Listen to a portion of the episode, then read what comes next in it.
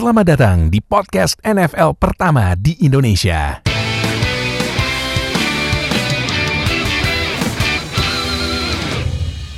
Baik, sama gue Fadil sekalian di Zero Knowledge Podcast. Nah, akhirnya kemarin 2021 NFL Draft udah selesai.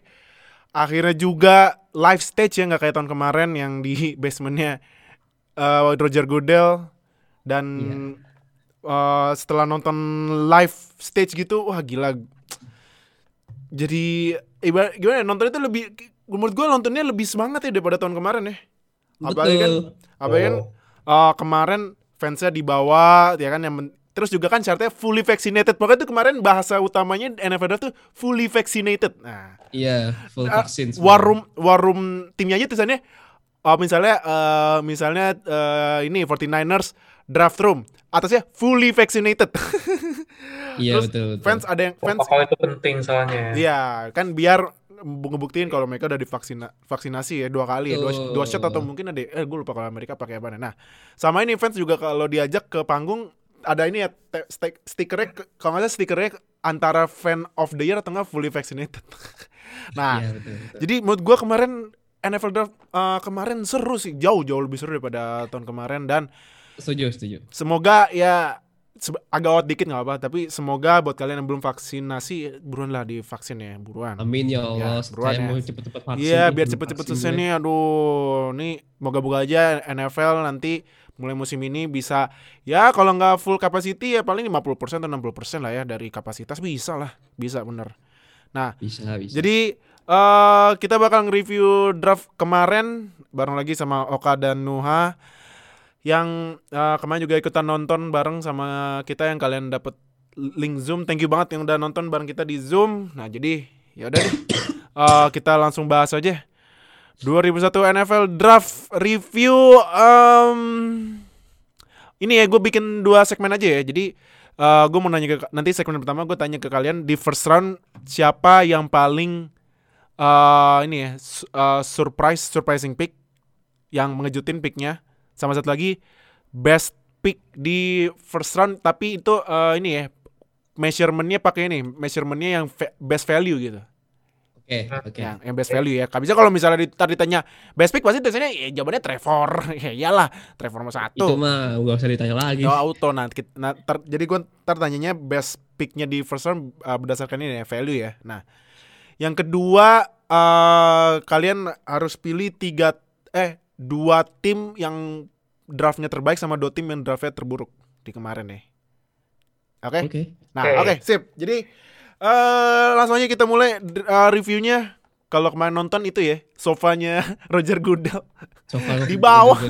dipakai itu tahun lalu dipakai sampai seven round tuh. Iya gila pegel ya pegel juga sih Pak berdiri terus ya. Nah itu fansnya dibawa ke panggung terus fansnya disuruh duduk ya di sofa terus Roger Goodell ngumumin tapi ada juga sekali Roger Goodell duduk pas ngumumin Travis Etienne nih yang pas picknya Jaguars. Nah jadi em, top 2 udah ini banget ya, udah, udah expected banget ya, udah kelihatan sangat sih, expected gitu. soal- Bahkan. Adam Schefter aja bilang di Twitternya sekarang udah pick 3 berarti uh, draft draftnya beneran dimulai. nah, sekarang uh, Kak Yes. dari first round ini siapa yang picknya paling ngejutin versi lo? Eh, Biar gak kelamaan. ya? Hmm, biar gak kelamaan. Hmm. Gue eh, sebenarnya ada beberapa yang gue ada di pikiran gue sih. Boleh. Cuman yang Hmm. Oh, salah satu yang mungkin lebih karena uh, circumstances-nya dari tim lain itu Hmm. adalah Detroit Lions yang bisa dapat Fantasy Wall. Nah, Fantasy Itu- Wall. Nah, ini gue mau nanya, gimana reaksi lu pas Bengals ambilnya Chase bukan Siu? Itu isunya sebenarnya emang udah rada Iya sih. lama dan Ah, emang uh, reportedly diminta sama emang diminta sama Joe Burrow ya hmm. untuk draft Jamar Chase. Ya. Awalnya sebenarnya gue pun juga uh, bilang lo masih harus benerin offensive line dan Penny Sewell adalah opsi terbaik buat lo. But Hmm.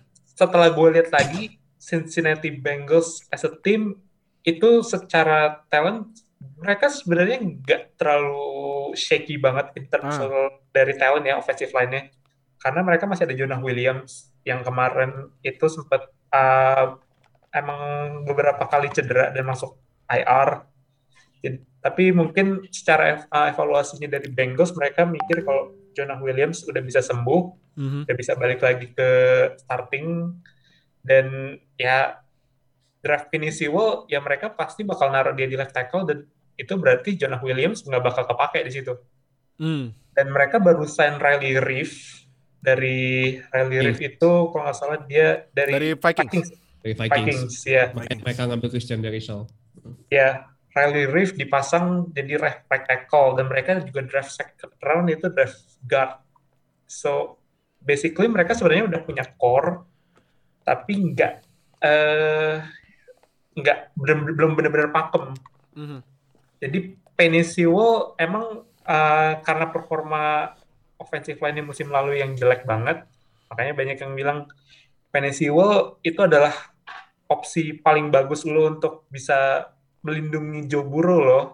Cuman mungkin Joe Burrow merasa kalau uh, chemistry antara QB sama wide receiver mungkin lebih penting dibandingkan Oh, sama iya. offensive line. Mhm. Jadi makanya dia milih sohibnya di LSU, Oh. Jamar Chase, Jamar Chase ya. iya, mantan uh, best uh, best receiver di college, Iya, kita iya. di awardnya. Mhm. Dan ya Jamar Chase emang receiver nomor satu lah kalau di board di mana pun lah di board mana pun di setiap scout Mhm. in terms of talent, in terms of like uh, performance-nya, walaupun dia sempat opt out, tapi dibandingkan Jalen Waddle sama Devontae Smith dia sedikit satu tier di atasnya mereka berdua. Ah, oke. Oke.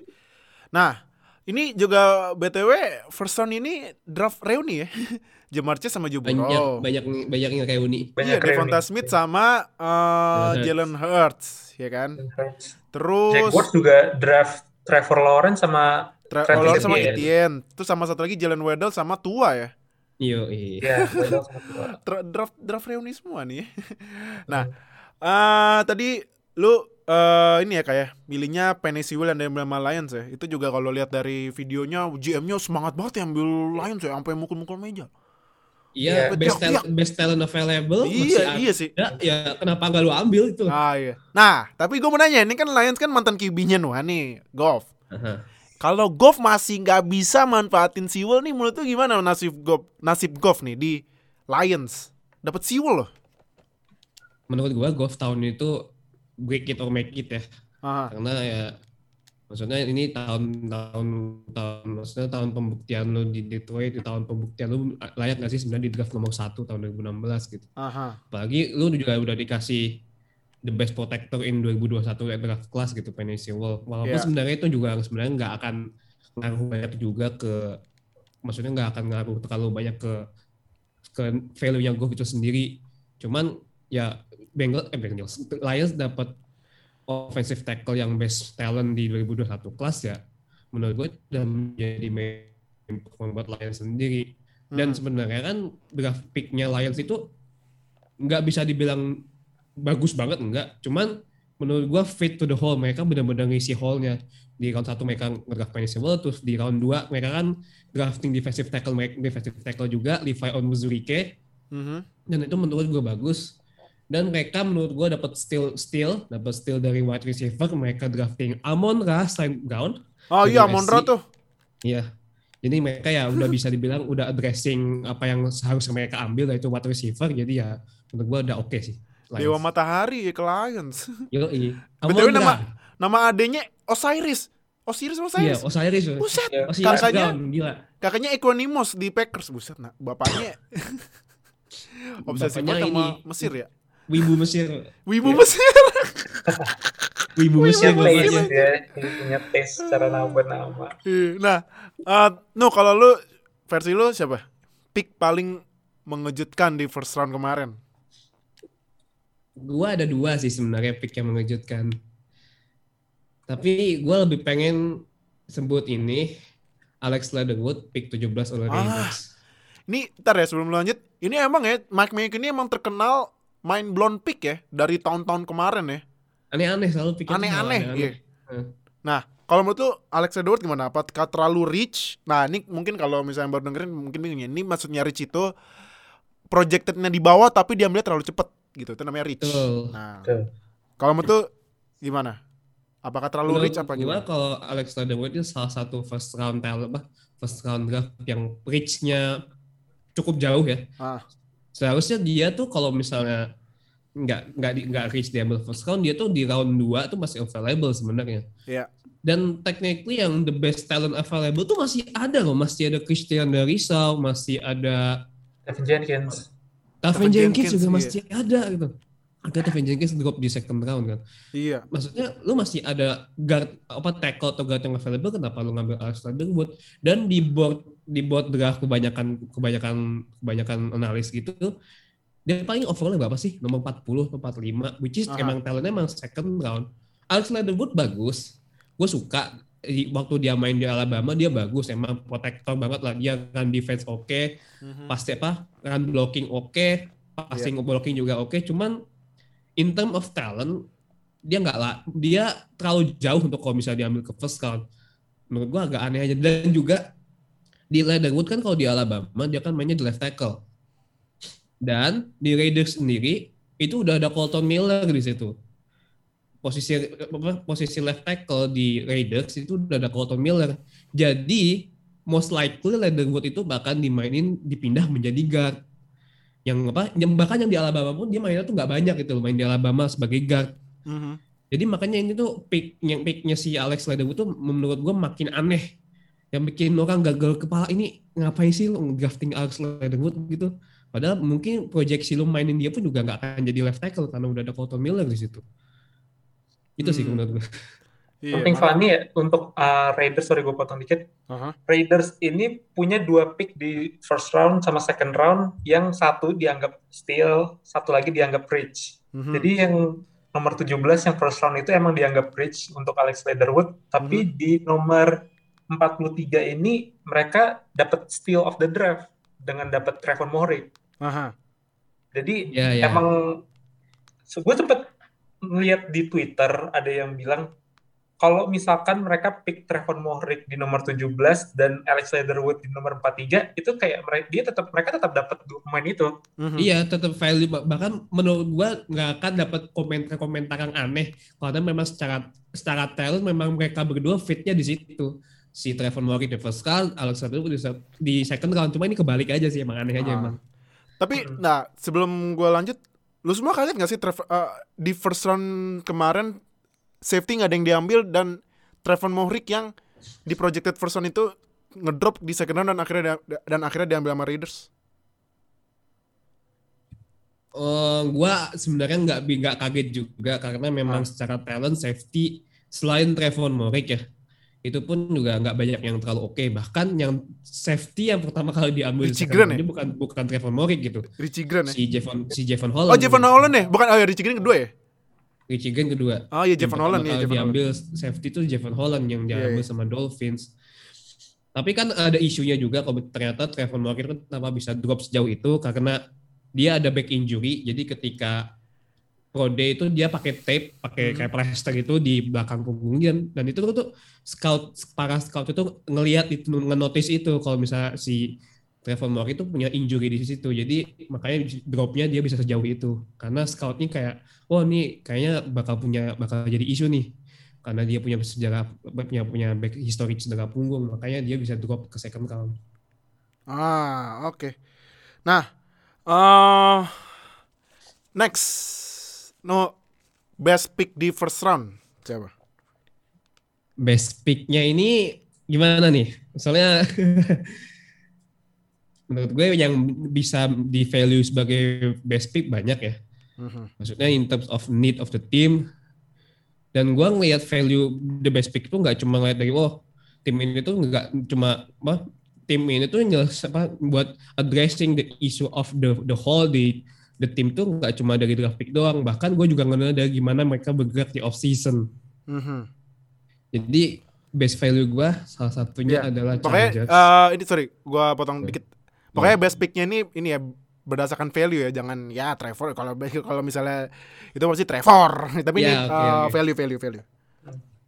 Iya, kalau misalnya dilihat dari value, gue sebenarnya bukan tadinya tadi gue sempat bilang mau bilang apa?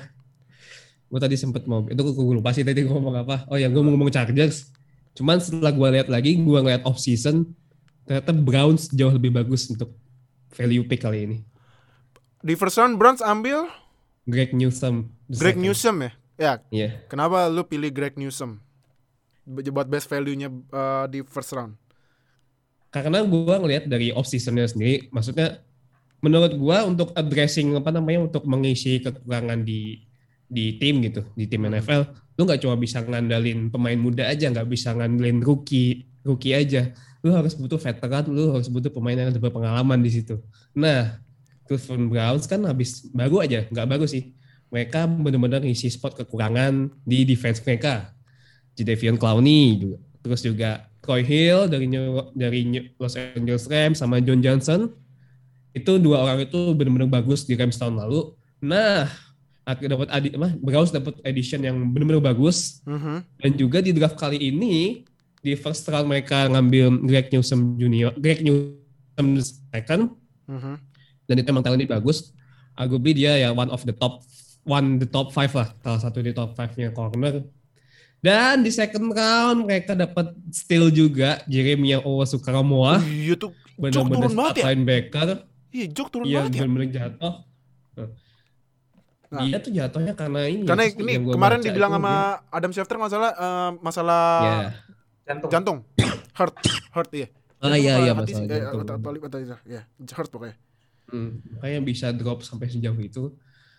Tapi maksudnya dengan mereka masuk mereka ngisi apa drafting Greg Newsom kok masalah corner mereka yang sebenarnya tahun lalu tuh nggak bisa nggak bisa dibilang jelek ya. Corner mereka sebenarnya oke but at some point mereka juga masih ada mi- minor issue. Dan Greg Newsom dia shutdown corner yang bisa dibilang oke dan bisa menurut gua bisa langsung main di day one as a starter jadi Hmm. benar-benar additional value yang bagus dan juga kan opsi mereka juga signing di pemain defense yang udah ter- udah terjamin kualitasnya lah. Jadi ya big value-nya. Jadinya menambah value si Greg Newsom di draft sama Browns di first round tuh jadi semakin gede karena mereka benar-benar addressing the issue in the in their defense. Hmm, oke oke oke. Nah, Kak, lu siapa? Best value pick di first round kemarin. Best value pick buat gua akan ke Indianapolis Colts yang Oh. nge-draft Quiddy Pay. Quiddy Pay ya? Ah, iya iya iya. Kenapa Quiddy Pay? Karena uh, Colts nggak perlu trade up buat dapetin Quiddy Pay Ah, yang ah. sebenarnya proyeknya dia mid first ya, mid first round jadi Aha. di belasan gitu picknya. Dan mereka baru kehilangan Justin Houston Mhm. nah di free agents dan mereka juga kehilangan ini ya siapa siapa sih yang defensive end-nya satu lagi Danny Cowtry. Danny Cowtry, yes. Dan mereka bisa dapat Pay yang uh, in terms of talent dia mungkin bisa dibilang best defensive end di di kelasnya sekarang Iya. untuk Pay. Basically Colts ini uh, kehilangan Justin Houston dan mereka nge-draft Justin Houston. Oh, replacementnya udah pas ya? Size-nya tuh mereka hampir sama. Ah. Mereka uh, build-nya juga mirip-mirip, tingginya juga hampir sama. Mungkin Pay dia main sering lebih sering main di line of scrimmage dibandingkan sama Justin Houston yang dia sebenarnya itu uh, outside linebacker 3-4. Hmm. Dan Pay uh, musim lalu main di Michigan tuh cuma 4 game karena emang uh, pas Big Ten itu kan kepengaruh COVID jadi mereka Covid ya. cuma beberapa game doang mainnya. But still making two sacks dan uh, tahun sebelumnya dia bikin enam setengah sacks dan 12,5 tackle for loss Aha.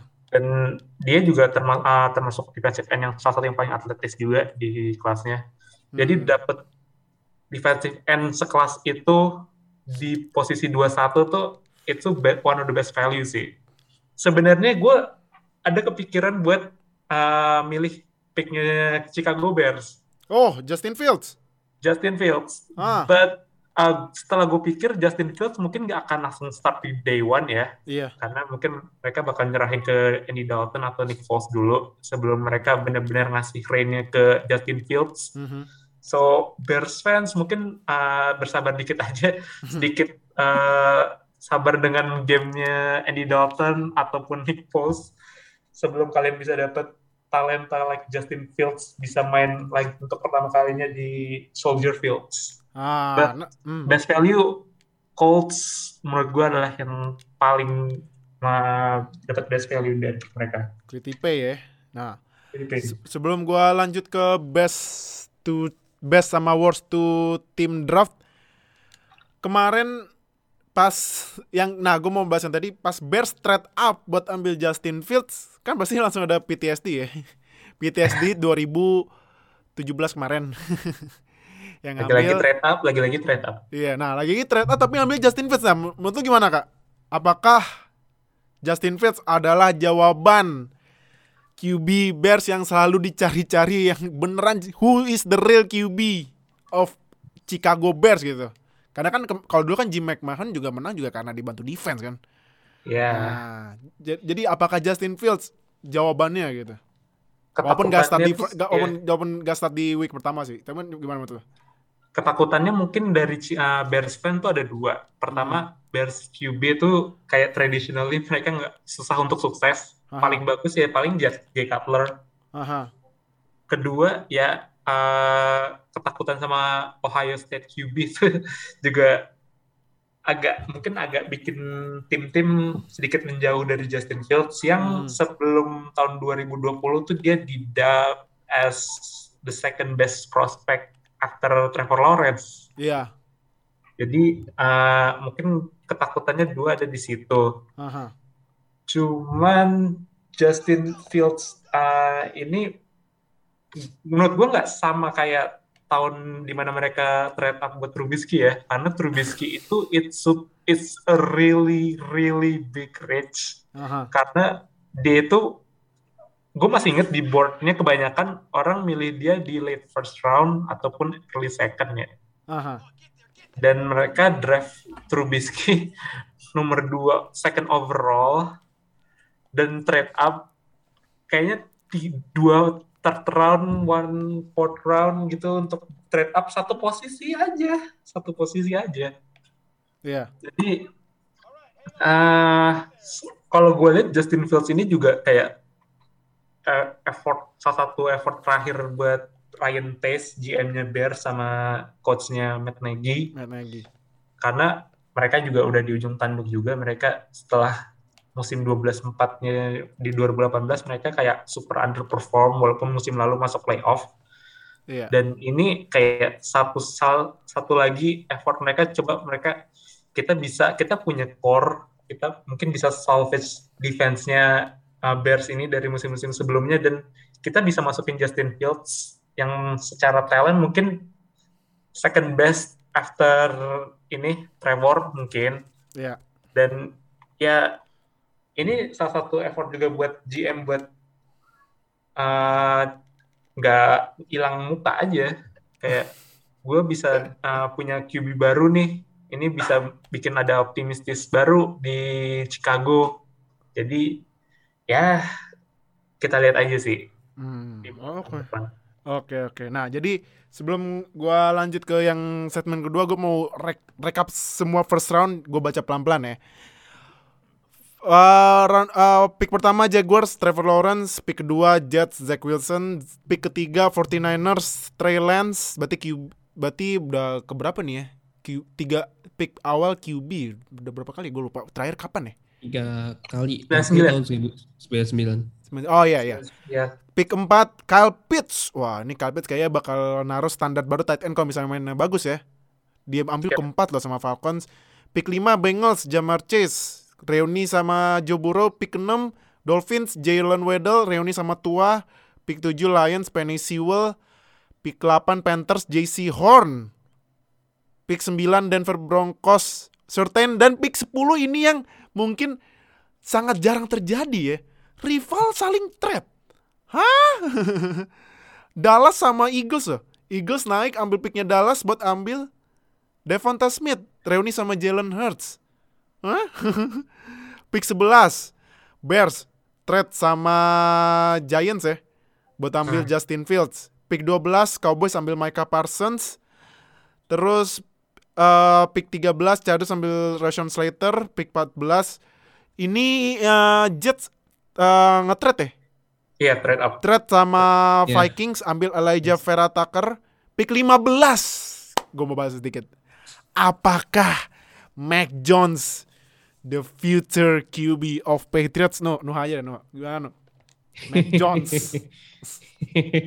Ayo lo. Eh, melihat dari talentnya Mac Jones sendiri ya, ya gua rasa Mac Jones will really fit to the systemnya Patriots ya, karena kayaknya memang digadang-gadang Mac Jones bakal menjadi ya banyak kan kayak meme atau apa segala macam di internet itu Yang jalannya ya?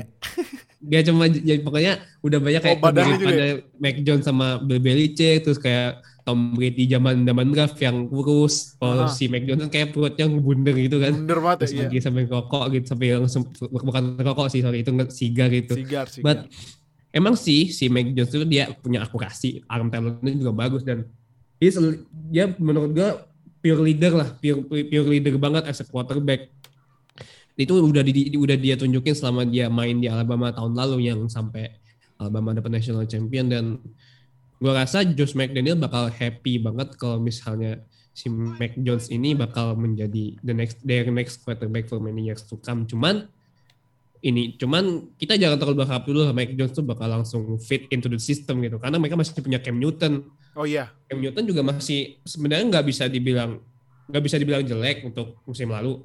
Walaupun emang levelnya dia ketika Super Bowl MVP mungkin udah nggak di situ lagi levelnya. Maksudnya dia udah menjadi ya an average quarterback aja. Tapi Cam Newton masih decent kok. Maksudnya bisa Patriots can rely still can rely to him gitu. Masih punya masalah apalagi kan dia masih punya ability untuk run the game. Itu salah satu play game Patriots yang nggak dipunyai selama sama berpuluh-puluh tahun sama Tom Brady gitu. Ya, Ya. mereka- si Cam Newton punya running game yang bagus lah masih masih masih bagus kok running running running play-nya si Cam Newton. Mhm. Jadi gua rasa additional Mac Jones tuh semakin tinggi karena orang nggak akan banyak orang tuh nggak akan banyak berekspektasi Mac Jones tuh bakal langsung main di langsung bakal main di starter gitu di tahun pertama. Jadi Mac Jones bisa sit and learn atau mungkin dimainin paling ketika ya udah masuk-masuk week 11, week 12 gitu. Atau, atau mungkin misalnya ketika Cam Newton tiba-tiba cedera, nah itu Mac Jones sudah bisa dimainin tuh. Jadi ya gua rasa value-nya bagus, fit to the sistemnya oke, Mhm. jadi ya juga ada konek kayak ada punya koneksi antara Alabama sama Patriots gitu kan karena ya dalam tanda kutip Bill Belichick dan Nick Saban ya teman dekat lah jadi ya value-nya bagus sih emang Yep. Mac Jones di 15 Oke. dan dan juga Patriots gak perlu trade up buat ah, Mac Jones itu ya untung aja ya. Untung aja. Padahal tadinya udah pada ini ya di mocknya eh, ininya Panthers ambil QB, Panthers ambil ternyata eh Penesiul masih nggak diambil sama Bengals? Ya udah ambil lah. Nah, Iya. Oke lanjut ya.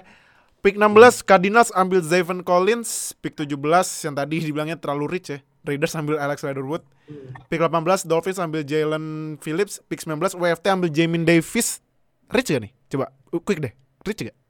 A bit rich ya. agak rich kalau menurut Agak rich ya? agak rich. Hmm oke. Hmm. um, Pick 20 Giants. Ini nge-trade sama Itu ya hasil trade sama Bears. Ambilnya Kadarius Tony Pick 21 Colts ambil Quitty Pay. Pick 22 Titans ambil Caleb Farley. Pick 23 Vikings ambil Deriso. Pick 24 Steelers ambil Najee Harris. Yes. Pick 25 Jaguars ambil Travis Etienne. Reuni sama Trevor Pick Nggak, 26 nggak reuni sih, itu hitungannya balikan lagi tuh. Dibalikan lagi ya. Oh iya iya, iya balikan lagi. Iya, iya bener juga ya.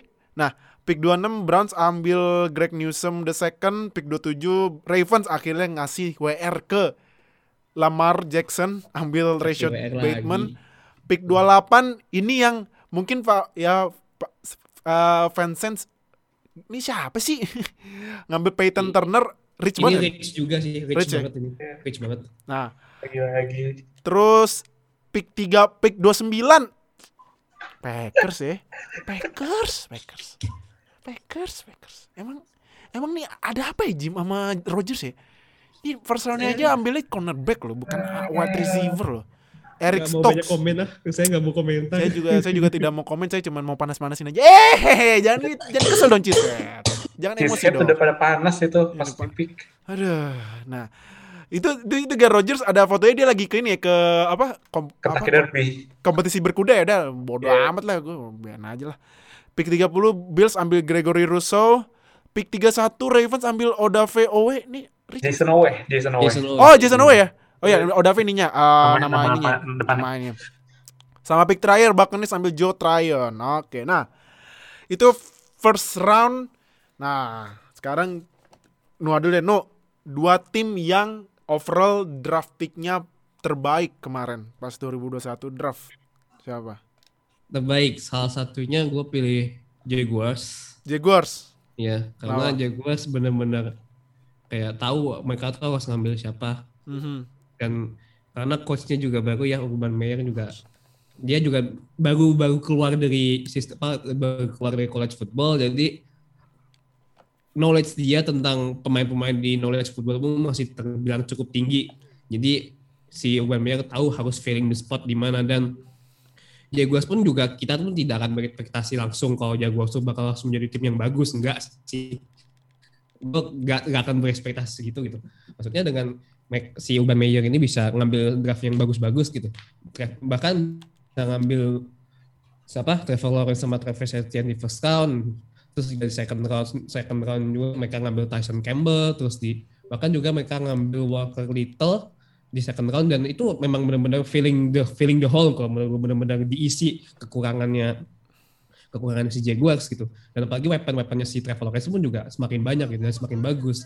Ada Marvin Jones juga yang dari Lions di free agent gitu. Terus Iya. juga Carlos Hyde dan mereka masih punya LaVisca Chenault sama James Robinson yang menurut gua dua orang ini bakal menjadi core-nya menjadi core-nya core-nya offensive offensive Jaguars gitu Iya. dengan di draftnya si Travis Etienne sama masih ada James Robinson gua rasa mereka akan memainkan sistem yang ya run heavy sih menurut gue ya kayaknya sebenarnya bakal run heavy dan mainnya running back by committee jadi Mhm. tiga atau dua running back bakal dimainin secara bersamaan gitu Oke. sih Tapi kalau dari semua picknya Jaguars kecuali first round ya.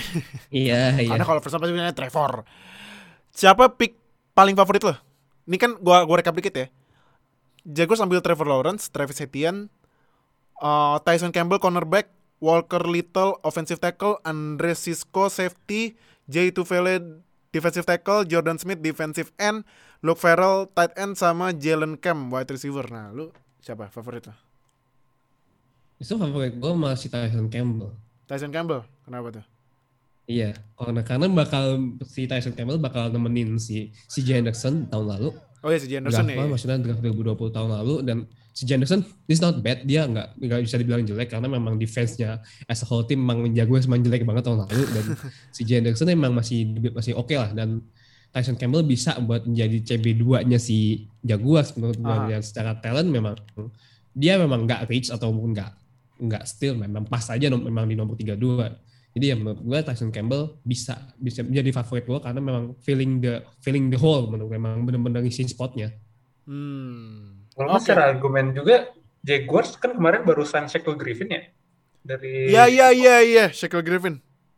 Ya. karena Oke. jadi gue mikirnya tuh kayak mungkin salah satu di antara Griffin atau Henderson bakal dipindah jadi slot sedangkan nanti Tyson Campbell sama satu lagi bakal dijadiin outside Ah, oke. oke oke ya oke So- ya kita lihat aja sih Oke, Gimana nah. sih?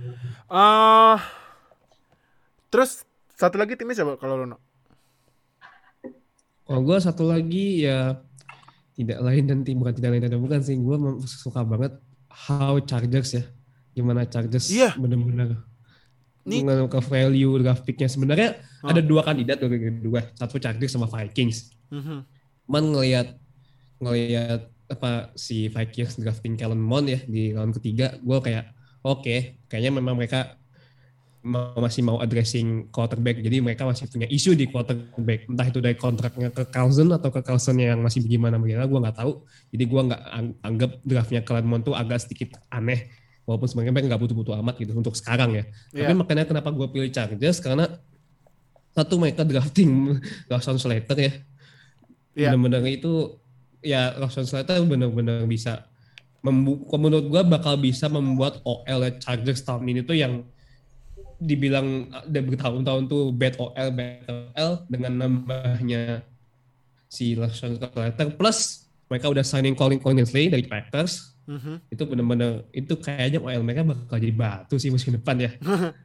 Bener-bener bakal Enak ya. Herbert ya musim du- musim Enak 2021 banget ya. Herbert asli, bener-bener protect Justin Herbert banget. Iya. Udah, udah nemu quarterback yang mereka mau dan second round mereka masih bisa dapet Asante Samuel Junior dong. Berarti itu uh, Masih pick favorit dapat lo dari Chargers apa yang lain? Iya, pick gue favorit gue dari Chargers Asante Samuel ya. itu si Asante Samuel Junior. Mereka masih bisa dapet Asante Samuel di second round itu gokil sih. Maksudnya mereka masih dari berbagai talentnya cornerback yang cukup banyak, mereka masih bisa dapat Asante Samuel. Ah. yang menurut gue ya walaupun sebenarnya dia undersize ya dia cuma 59 si Asante Samuel cuma in term, in term of talent and ability dia nggak kalah sama yang lain gitu mungkin ya mungkin nanti di posisinya dia di main di Chargers dia mungkin akan lebih banyak dimainkan sebagai slot karena untuk outside si Chargers sudah ada Chris Harris untuk yang ngejaga outside dan menurut gue sih si Asante Samuel bakal feeling buat slot untuk menjaga WR2 jadi menurut gue emang udah bagus lah si mereka ngepick Asante Samuel Junior. Hmm, Oke, gua rekap lagi. Chargers picknya Rashawn Slater, Asante Samuel Jr. cornerback, Josh Palmer wide receiver, Palmer. Trey McKitty tight end, Chris Rumpf the second defensive end, Brand Brandon James offensive tackle, Nick Niemann linebacker, Larry Rountree the third running back sama Mark Webb safety. Nah, kalau lu kak siapa kak? Dua tim yang draft picknya terbaik kemarin. Yang pertama gue akan pilih uh, sahabatnya Houston Texans ya, Miami Dolphin. Dolphin. Iya. Oh iya Dolphin. sahabat itu ya sahabat dekat ya karena tret-tretan dulu ya. Kita, kita punya Sahabat koneksi dekat. ya. Iya, iya. Kenapa Dolphin? nge-trade. Pertama dari dua first round mereka, mereka draft semua need mereka, mereka draft receiver, mereka draft defensive end.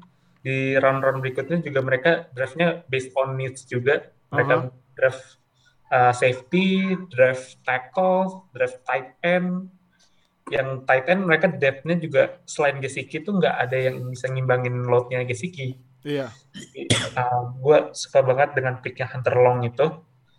Sama juga mereka draft uh, Liam Aikenberg uh, juga ya great Liam Eichenberg ya left tackle dan mereka address itu karena musim lalu mereka emang struggle banget dalam uh, defending the edge. Jadi left tackle mereka emang harus diaddress banget. Ah, Jalen Waddle dan Jalen Phillips, dua-duanya Jalen lah. Dua-duanya Jalen ya. Jalen Jalen. Ya. Jalen Waddle satu dia udah punya chemistry dengan tua dan emang mereka butuh uh, route runner sekelas Jalen Waddle. Karena satu lagi route runner terbaik di draft class ini ya Jamarcus sudah dipilih Aha. di sebelumnya. Jadi mereka pilih yang lebih proven, yang mungkin uh, buat route runningnya lebih bagus, yaitu Jalen Waddle di antara dua receiver Alabama.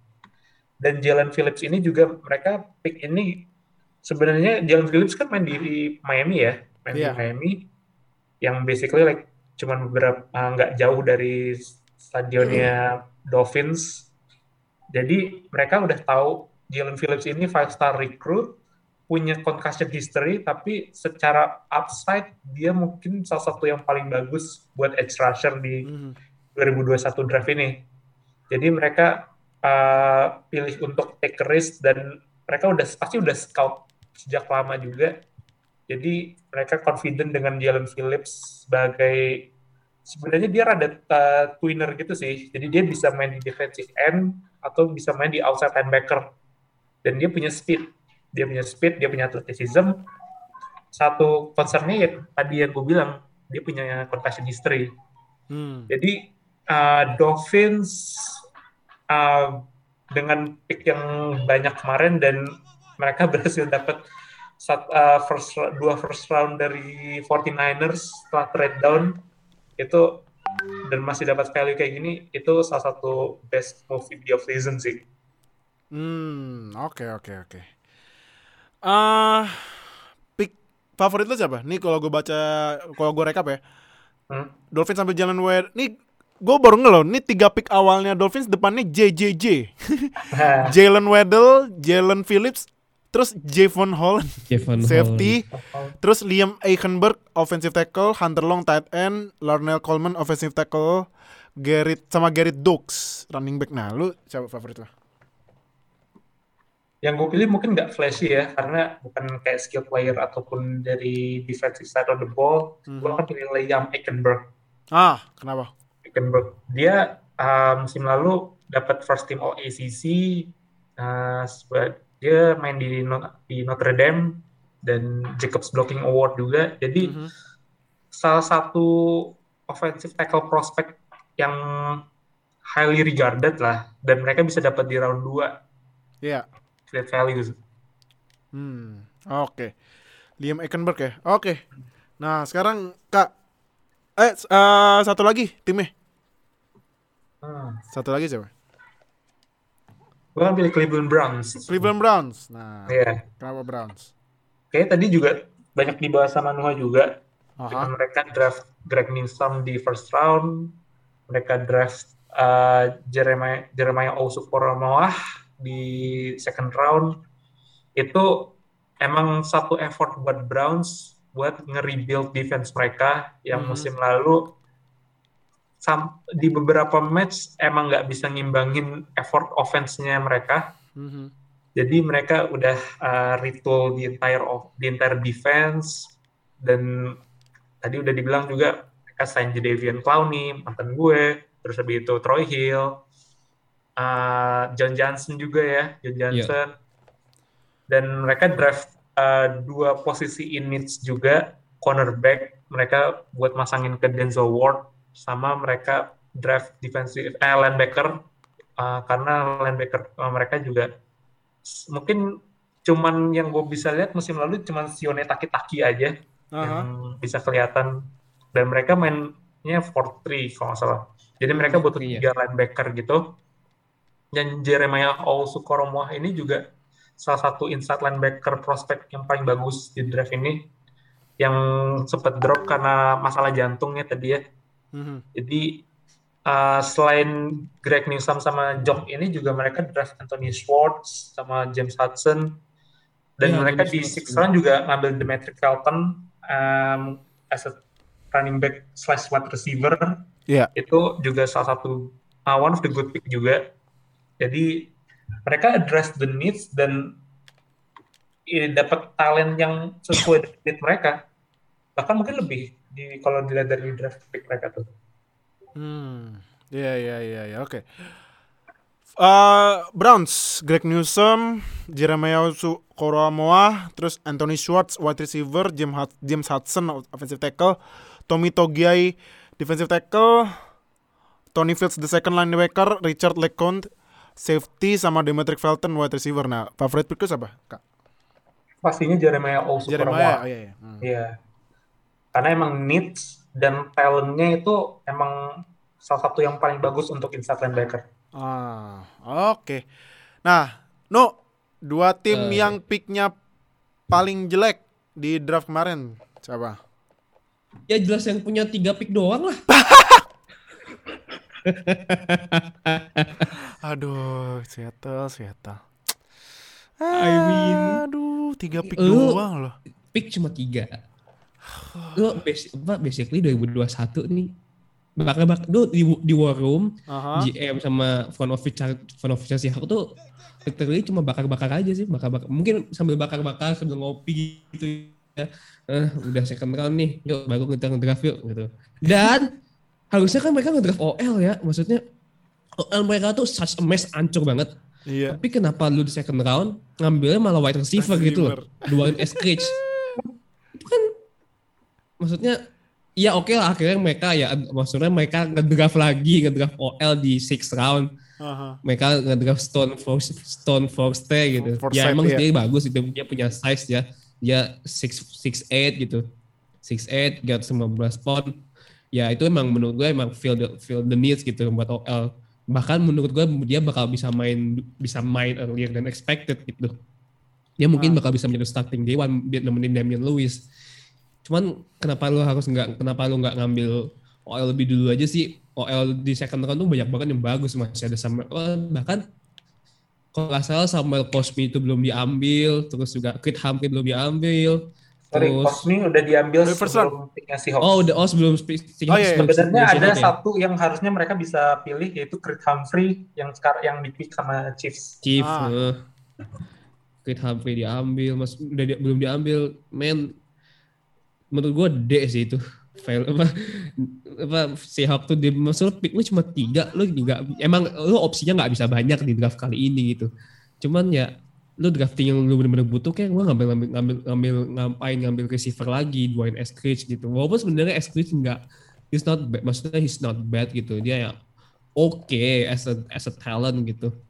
Cuman ya ini resiko dari dia ngambil Jamal Adams sih itu sih ya trade off-nya dari ngambil Jamal Adams si Blitzman itu ya lu nggak punya first round pick sampai besok sampai tahun depan ya masih mending Rams lah walaupun second roundnya walaupun first round nggak punya sampai 2023 cuma timnya kan bagus gitu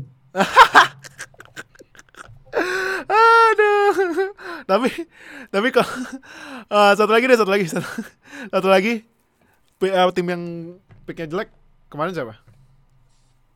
ya tidak lain dan tidak bukan Houston Texans sih Houston Texans.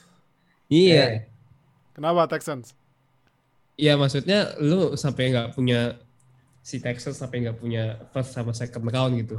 Itu ya maksudnya trade off dari lu trading, maksudnya lu nggak dari ngambil Laramie Tunsil sama Kenny Stills itu emang udah resiko. Maksudnya im- imbasnya kan ya ke tahun ini gitu dan juga ya agak aneh sih maksudnya emang situasi corner, apa, quarterback situation Houston di Houston tuh memang sangat gak jelas ya. Terlepas dari Deshaun Watson masih punya masih punya isu di apa criminal isu pas segala macam lu drafting Dra- Davis Mills quarterback walaupun sebenarnya ya ya itu kayak menjadi sebuah insurance lah ini kayak jaminan gitu kalau misalnya nih kalau misalnya Deshaun Watson nggak main gitu benar-benar Oh. nggak main tahun ini lu masih lu bisa langsung pakai si Davis Mills gitu mungkin nanti Oka bisa nge-value ya gimana dra- Texans drafting si nggak cuma nggak cuma quarterback aja masih as a whole gitu tapi ya memang karena resiko nggak punya banyak draft capital gitu.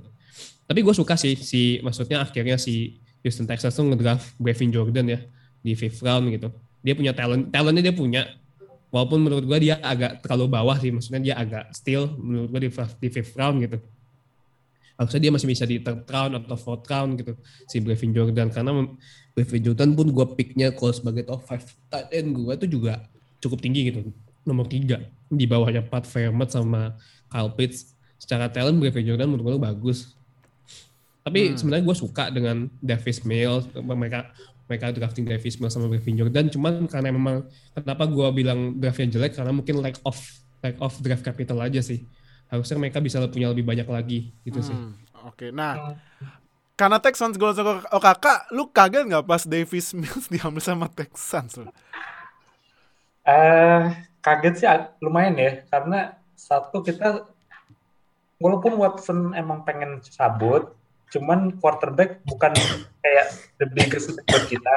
Aha. Jadi karena kita kan udah nge-sign Tyrod Taylor, terus Ryan Finley, ya mungkin mereka mau coba keep it in uh, QB rooms aja.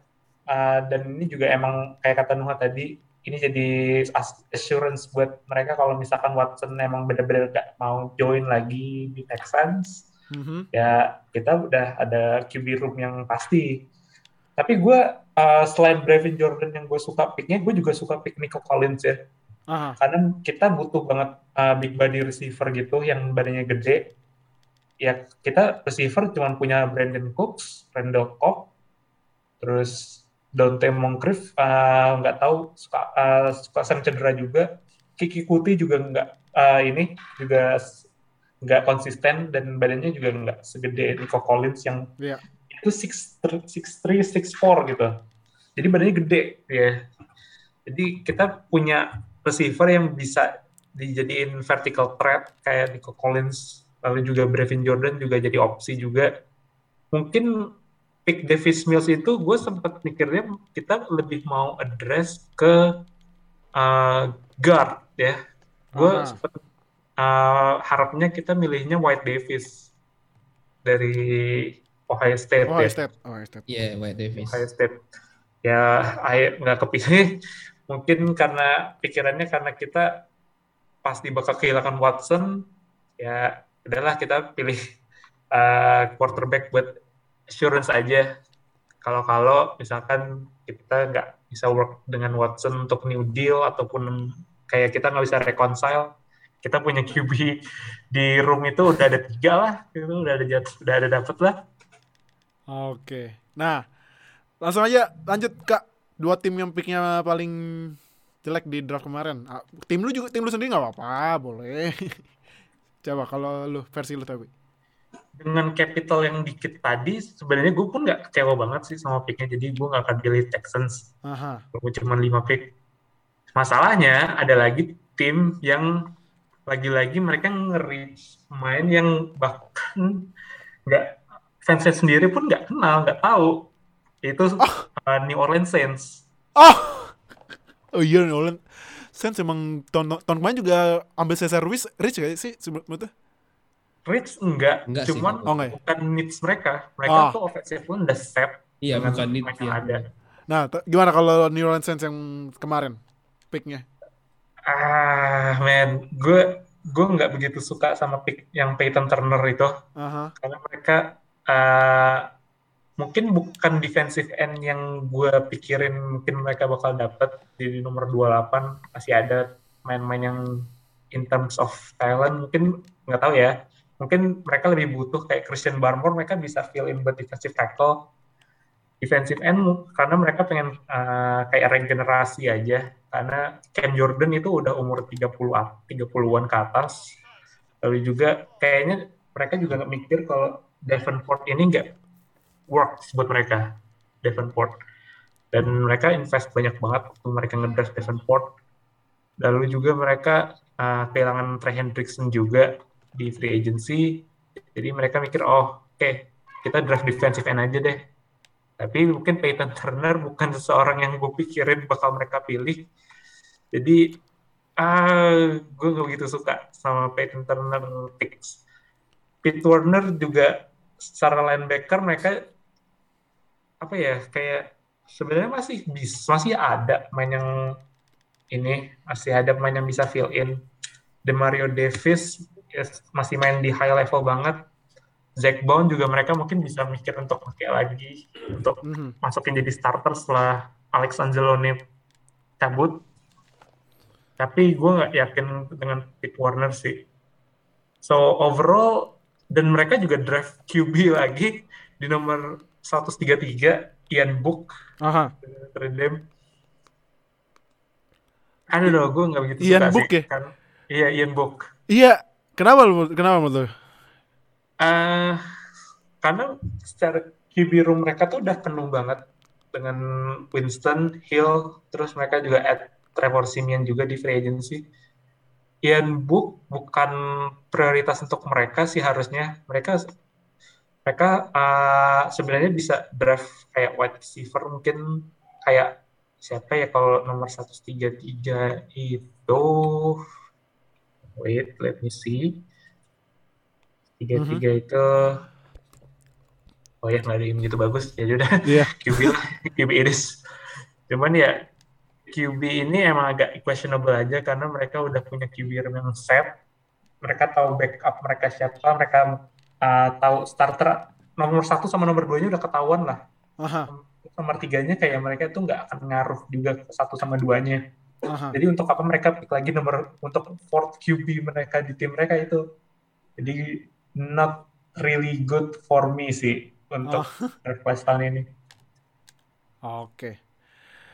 Ah, jadi Oka tadi milih Saints sama satu lagi? Hmm. Wait. Satu lagi.